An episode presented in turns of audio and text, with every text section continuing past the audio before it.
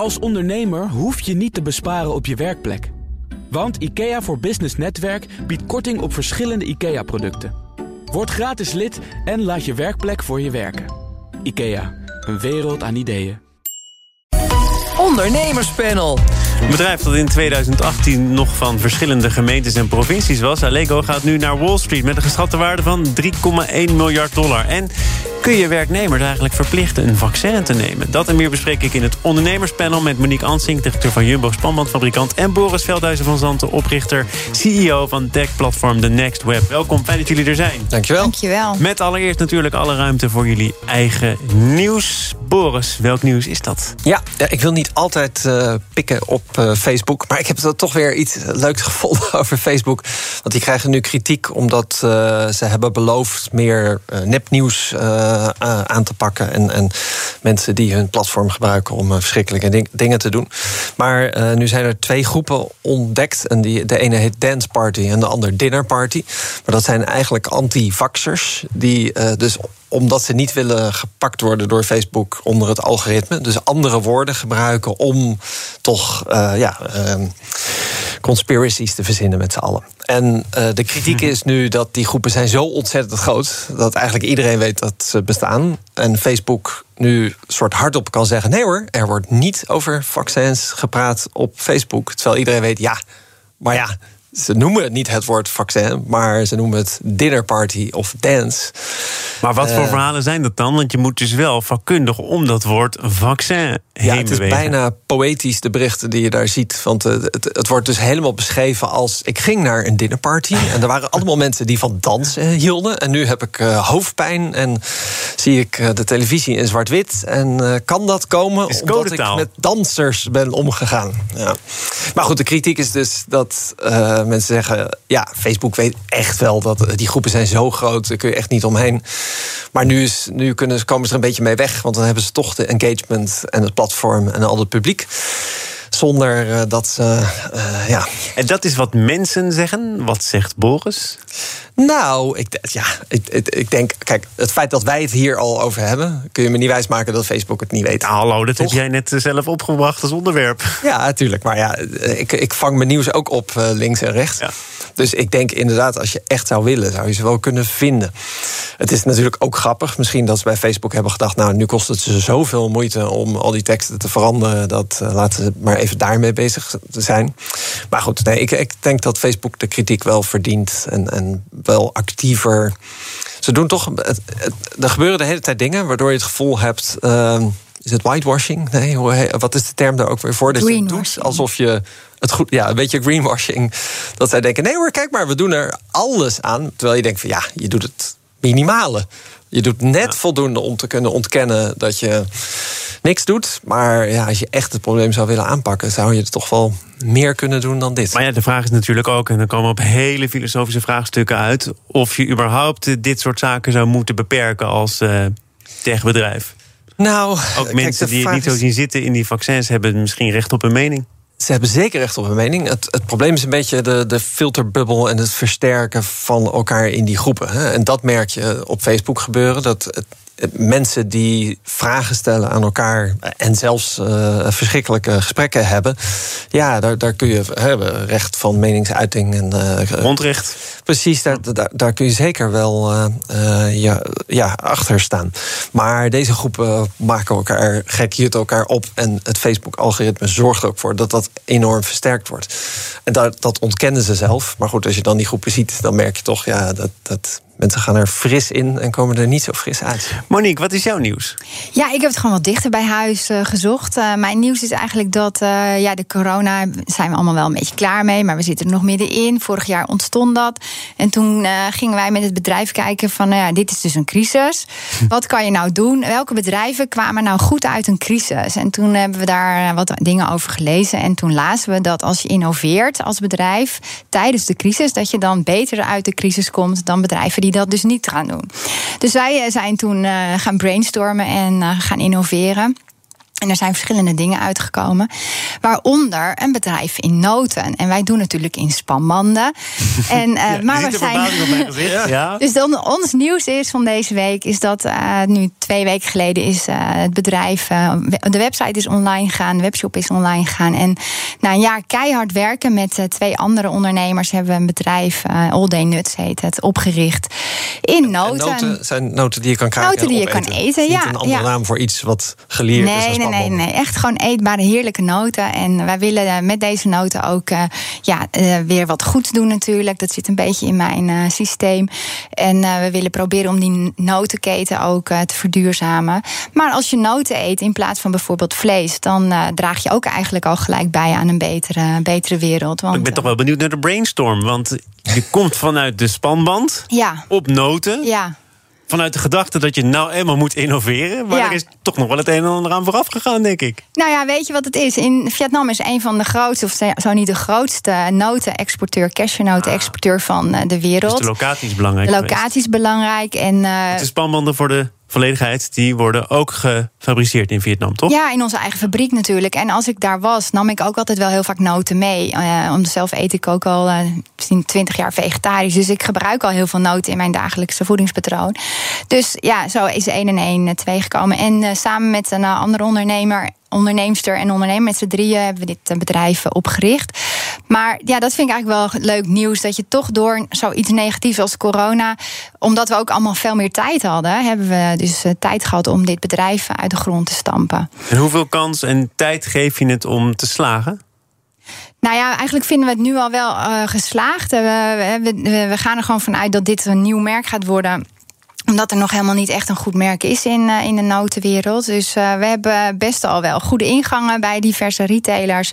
En ehm, ja, dus we geloven er gewoon in dat dit gaat slagen. Ja, Monique, dus volgend jaar om ga- deze ja. tijd, dan sta ik er weer en eh, dan gaan we naar de beurs.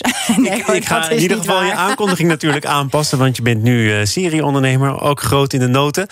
We gaan nu eerst naar nieuws van gisteren. Maar nog altijd de moeite waard. Dat klonk ongeveer zo.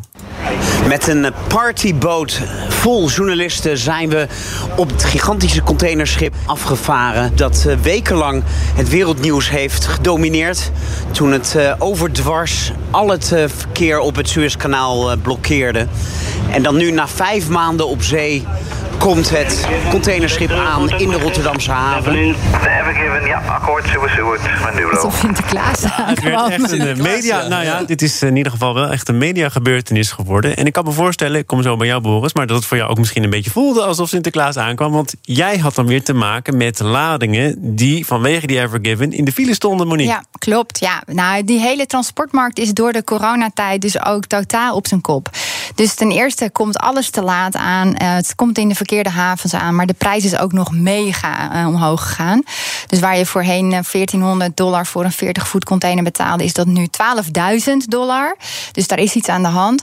Maar die Evergiven was dan nog de bonus daarbovenop. Dat die, dat, dat die dus in het Suezkanaal eh, vast kwam te staan. Want ja, die hele file die daar achter ons stond, daar zaten natuurlijk allemaal goederen in. Voor ons, waaronder ook de spanbanden en ook de cashewnoten. Ja. En, die eh, spanbanden lijken me weinig bederfelijk waar. Dus dat is nog wel gewoon kwalitatief goed. Volgens Ja. mij is er een transportprincipe. eh, Goed erin, goed eruit. Ja. geldt het dan voor die cashewnoten ook?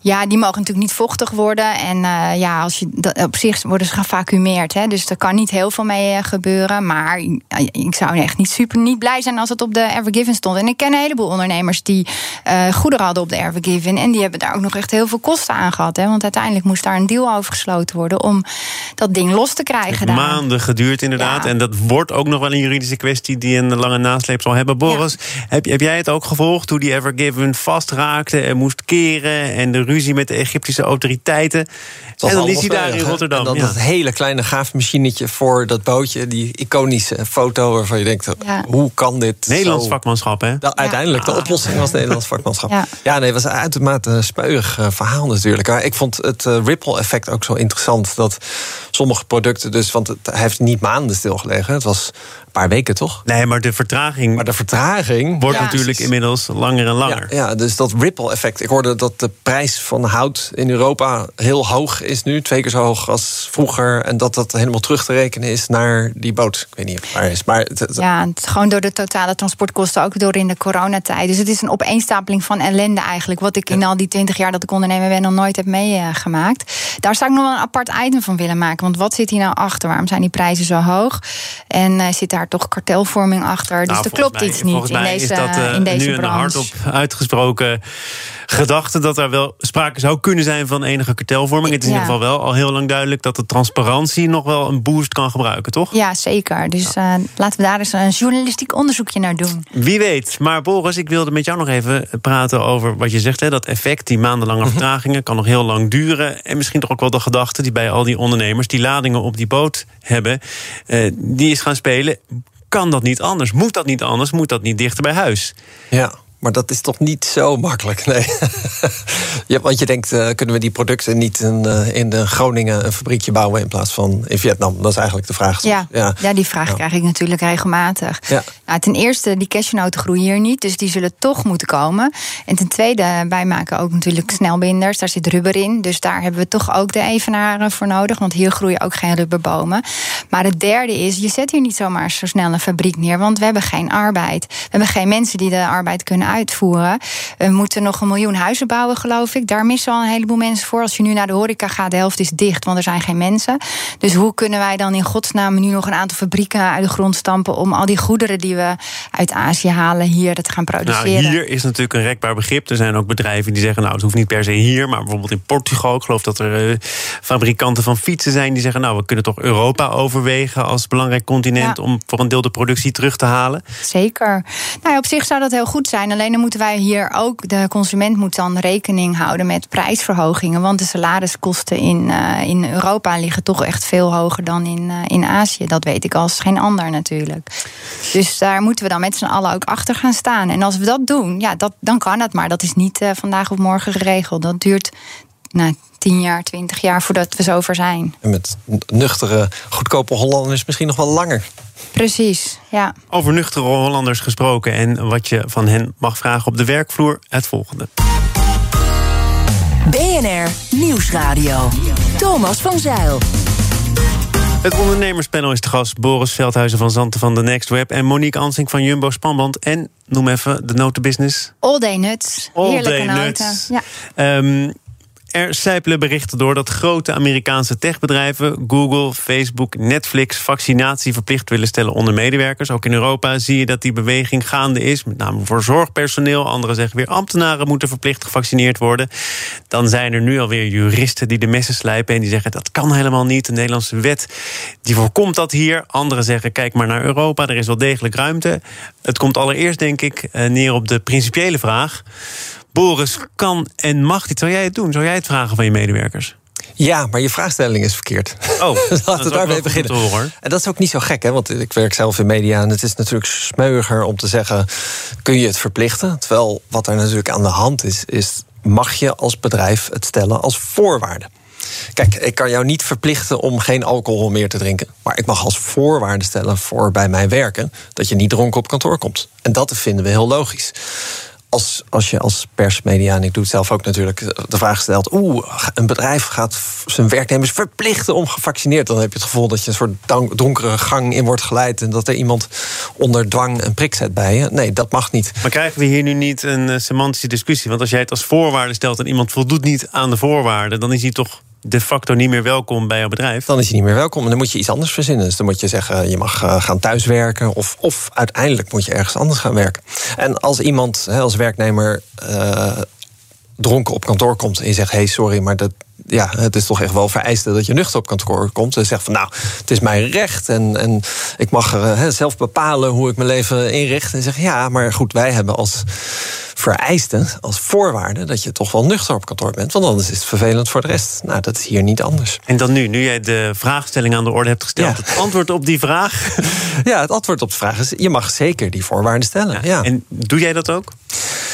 Wij eh, praten er nu over op kantoor om het te gaan doen. Ja, ja. Ik, ik ben heel erg voor. VNO-NCW, Monique zegt, bij onze achterban is dat eigenlijk helemaal geen thema. Het speelt niet. Eh, Boris eh, overlegt het nu, zegt zelf dat hij daar voorstander van is. Hoe sta jij in de discussie? Nou ja, ik vind eigenlijk, wij zijn, we zijn tot een punt gekomen in Nederland of in Europa dat je toch uh, vrije keuzes hebt in uh, van alles en nog wat. En daar ben ik blij om dat we zover zijn gekomen. En dat zou ik ook willen vasthouden. Dus ik zou het sowieso niet willen verplichten. En uh, dan vind ik corona. Als voorwaarde stellen? Nou, als voorwaarde ook niet. Nee, want ik heb dan nog wel andere voorwaarden die ik liever zou willen stellen. Ik zou willen zeggen, dan kom je er ook niet in als je rookt. Of inderdaad, als je drinkt. Hè, dan, dat zijn veel slechtere dingen voor de mensheid. Dus dat, dat wordt een ongelooflijk ingewikkelde discussie. Dus ik zou het loslaten en aan de medewerkers zelf overlaten. Ik denk trouwens dat heel veel bedrijven zeggen: je mag niet roken bij ons. En dan mag je naar buiten om wel te roken. Dus die verzinnen toch wel iets. Ik neem aan dat je bij jullie binnen niet mag roken. Nee, maar dat mag gewoon. Dat is verplicht. Uh, dat is natuurlijk een, uh, ja. een, wet, een wet. Nee, maar dat is wel het verschil. Nee, ik denk... mag, je mag binnenshuis wel roken. Als jij op kantoor zegt, uh, bij ons is een sigaret opsteken geen probleem... dan ga jij er toch zelf over? nee, Nee, nee, nee, nee, want, nee, nee, want dat mag niet. het is namelijk besmettelijk. Hè, want dan krijg je meeroken. Ah. Dus dat is Ja, vervelend nee, voor nee, mensen dat mag die... niet. Net zoals met een vaccin. Nee, maar, Maar ik denk, eh, ehm, eh, recht ja. op zelfbeschikking, natuurlijk. Maar het is net zoiets als zeggen... ehm, wat ik zelf doe in mijn auto, maak ik zelf uit. En als ik dronken in de auto wil stappen, dan is dat mijn goed recht. Ja, er is geen spel tussen te krijgen. Maar wij zijn er allemaal tegen. Omdat je denkt van ja, maar het is... Hè, meestal rij je per ongeluk iemand anders dood. En dat is met corona ook. Hè. Je kunt mensen... Ik heb mensen met... eh, eh, heet dat auto-immuunziekte? Ja, dus hè, mensen die slechte immuniteit hebben. Eh, die hebben daar natuurlijk echt wel heel erg last van. Dus als ik dan één iemand heb die zegt: Ja, maar ik wil niet vaccineren. En je weet, ja, maar daar, daarmee breng je eigenlijk de rest van mijn werknemers in gevaar. Ja, maar dat is ook met zeggen. griepprik. Ik bedoel, dat kan ook. Dus eh, wat ik wel Daar ga zie is dat ik. dood van. Dit is wel echt een Nou ja, weet je, dus ik denk wel dat wat goed is, is die afstand. Dat is gewoon prima. Laten we die afstand gewoon bewaren. Want ik heb in het afgelopen jaar, we hebben eigenlijk geen mensen gehad die griep hebben gehad. En geen andere snottenbellen en eh, verkouden, en eh, geen, geen ziektemeldingen wat dat betreft. Dus waarschijnlijk helpt die afstand en de hygiëne, dat helpt voor een heleboel dingen ook. En ehm, ja, dus om het verplicht te stellen, dat doen we ook niet met de griepprik. Ik denk ook niet dat we het kunnen verplichten met corona. En misschien wordt het in de toekomst wel iets wat bij het vaccinatieprogramma hoort. eh, zoals heel veel kinderziektes ook en polio in de toenertijd. eh, dat dat allemaal in het standaard eh, pakket zit bij de bolfmazelen rode hond. Dus eh, ik denk dat we daar gewoon op moeten wachten. Maar Als je het hebt over Ja. eh, de basisregels, dan hoort daar volgens mij sinds een tijdje bij ventilatie. Nu doet de opmerkelijke situatie zich voor dat de horeca zelf vindt dat de ventilatienormen veel te ver naar beneden zijn bij- bijgesteld. Als gevolg van de nieuwe alcoholwet. Eh, Boris, kan je dat nog uitleggen? Dus het mag nu, je mag Nou. nu de ventilatie best wel op een laag pitje zetten. En dan zegt de horeca, kom eens op zeg, wat doen we nou? Ja, ja, nou, ik zou zeggen, dat is voortschrijdend inzicht. Dat is heel Ja. goed van ze. Dat ze dat Het is ja. maar, maar, maar wettelijk, hè, dus omdat die nieuwe wet van kracht is, Ja. ja. is die norm dus naar beneden bijgesteld. Terwijl door Ja. dezelfde overheid is gezegd: nee, ventilatie, dat is een basisregel. Ja, maar de horeca is, is natuurlijk ook weer één groep. Die ziet als, eh, als in één café een uitbraak is, dan hebben we er allemaal last van. Dus eh, het lijkt voor een individu vreemd om te vragen: kunnen de regels strikter? Maar als je het als groep zegt, nou kunnen we het voor ons allemaal strikter maken, zodat we er allemaal minder last van hebben. Ja, dat vind ik heel slim. Ja. Nog een, eh, nog een andere kwestie die jou misschien ook wel gaat raken. Op termijn, want eh, jij hebt te maken met een groot evenement. Er eh, dient een kort geding, althans, dat is afhankelijk van wat het kabinet gaat besluiten over eendaagse evenementen. IDT heeft dat kort geding aangehouden, dat wil zeggen op pauze gezet. Ja. Ehm, wat denk jij dat er uit die zaak zal komen? Of laat ik zeggen, uit het besluit? Want of er daarna nog een zaak volgt, hangt af van dat besluit. Nou, als je een event plant, ehm, eh, hou je met zoveel mogelijk zaken rekening. Maar hoe eerder je weet waar je aan toe bent, hoe beter je het kan organiseren. En het is ontzettend onprettig om pas een week van tevoren te horen: oh sorry, het is toch allemaal anders. Want het gaat IDT en de aangesloten organisatoren om zo snel mogelijk duidelijkheid. Ja, ja, en eh, dat snap ik helemaal. Hè. Dus eh, ik zit nog, mijn event is de laatste dag van september. Dus ik denk, oh, nou ja, dat zit nog wel goed. Maar langzaam, dat dacht ik twee maanden geleden, dacht ik, dat zit wel goed. Want dat is zo ver in de toekomst. Maar langzamerhand begint het bij ons ook een beetje te kriebelen. Dat we denken, eh, ja, het is, we zijn er inderdaad nog niet. Je zei in het begin al, hè, we zijn voorbij corona, we zijn het al zat. Aan de andere kant, we zitten er nog middenin. Ja. En dan is duidelijkheid gewoon prettig. Eh, ook naar, eh, naar je klanten. Hè. Maar je kunt inmiddels wel wat scenario's uit de kast halen. Hè? Jullie hebben het vorig jaar ook online gedaan. Ja. Eh, het is misschien een nederlaag om dat dan weer online te moeten doen, maar je weet wel hoe het werkt. Tuurlijk, ja. Dus die scenario's hebben we wel klaar. Maar dan nog, hoe eerder je weet of je de tickets voor je sprekers nou wel of niet moet boeken, uh, ja, hoe, hoe beter. En als, als je het zelf doet uit voorzichtigheid, ja, dan ben je daar niet voor verzekerd. Uh, en als het wordt opgedragen, ja, dan vaak wel. We gaan uh, naar uh, beursambities. Ja, die heb jij ook, blijkbaar, met je nieuwe nee, dat, dat, was een grapje. Wie weet, wie weet. jawel, jawel, jawel. Ik ga je eraan nee. houden. Nee. Uh, het lukt zo af en toe. Hè. Het Nederlandse laadpalenbedrijf Allego gaat naar de beurs in New York. Geschatte waarde 3,1 miljard dollar. Gisteren was hier de directeur van de taxicentrale Amsterdam. Die zei, je moet het niet per laadpaal gaan berekenen... want dat zijn dan hele dure laadpalen. maar het is wel een succes te noemen, denk ik. Ja, kijk, ik denk er zelf een beetje anders over. Want uh, oh. ja, um, het is natuurlijk, als je het zo noemt, een succes. Het gaat weer over geld natuurlijk. Maar um, ja, wat, is nou, wat was nou vroeger uh, de reden om naar de beurs te gaan? Je gaat geld ophalen, je gaat kijken wat is een bedrijf echt waard. Je gaat geld ophalen om te groeien.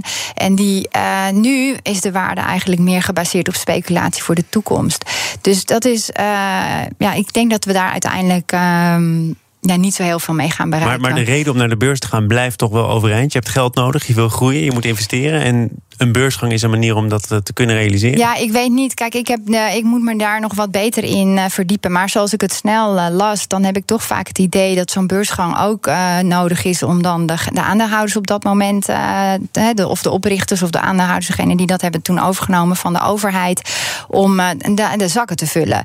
En dat vind ik eigenlijk de verkeerde, de verkeerde insteek van een beursgang of geld ophalen bij, bij aandeelhouders. Dus mijn wens zou zijn om ooit een keer dat hele model te veranderen. Want ik denk niet dat dit model gaat bijdragen in een betere, uh, beter voor planet en people.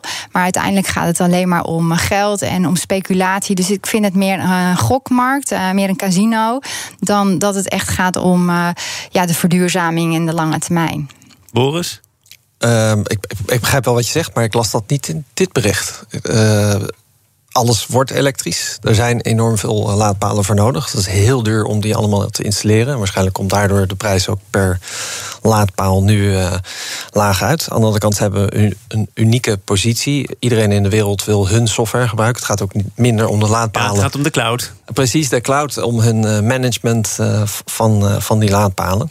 En volgens mij is het, een, is het geweldig als, het, als, als zij een wereldwijd een markt kunnen opbouwen en en we allemaal elektrisch kunnen gaan rijden. Dat lijkt me heel goed voor de wereld. En dat geld moet ergens vandaan komen. Tot nu toe, die eerste partij uh, was Liander, zat er geloof ik. Ja, ja. Aliander, dacht ik. Aliander, ja, die... Uh, Um, die zat erin, maar die kon dat al niet betalen. Die hadden niet uh, genoeg geld om dat te financieren. Toen is naar een andere partij. Gegaan, Precies, ja. Die hebben dat weer een tijdje gedragen. En ik kan me goed voorstellen dat zij na een paar jaar zeggen: Nou ja, het, er moet nog ontzettend veel meer geld bij. En dan is beursgang de logische volgende stap. En als je dan toch bezig bent, eh, liever in New York dan in Amsterdam? Ja, die New York listing begrijp ik niet helemaal. Maar ze, ze, uh, Europa loopt al voor maar Amerika is nog een enorme groeimarkt. Dus misschien is dat dan de reden om naar Amerika te gaan. Dat weet ik niet. Maar uh, ja, nee, ik. ik maar waar is, jouw, waar is jouw beursnotering over een tijdje? nee, dat was een grapje. Nee hoor, nee. dat is niet onze bedoeling. Dat is helemaal het doel niet, uh, niet van het bedrijf om, uh, om naar de beurs te gaan. Maar heeft, heeft Boris je wat die betreft een beetje gerustgesteld? Namelijk... Nee, eigenlijk niet. Nee, nee, nee. Ik denk toch, die waarde is volgens, voor, volgens mij gewoon veel te fictief. Dat is gewoon opgeblazen waarde. En het slaat nergens meer op. Dus als je het gaat uitrekenen, klopt dat niet. En als iedereen gelooft daarin en niet iedereen gaat daar dan in mee maar het is uiteindelijk niks. Je bent bang voor een bubbel? Ik ben bang voor een bubbel, ja. Dus ik kan me niet voorstellen dat dit, uh, dit waard is. Een partij die had geschat dat hun markt ieder, ieder jaar 45% groeit, zoiets. Ja. ja.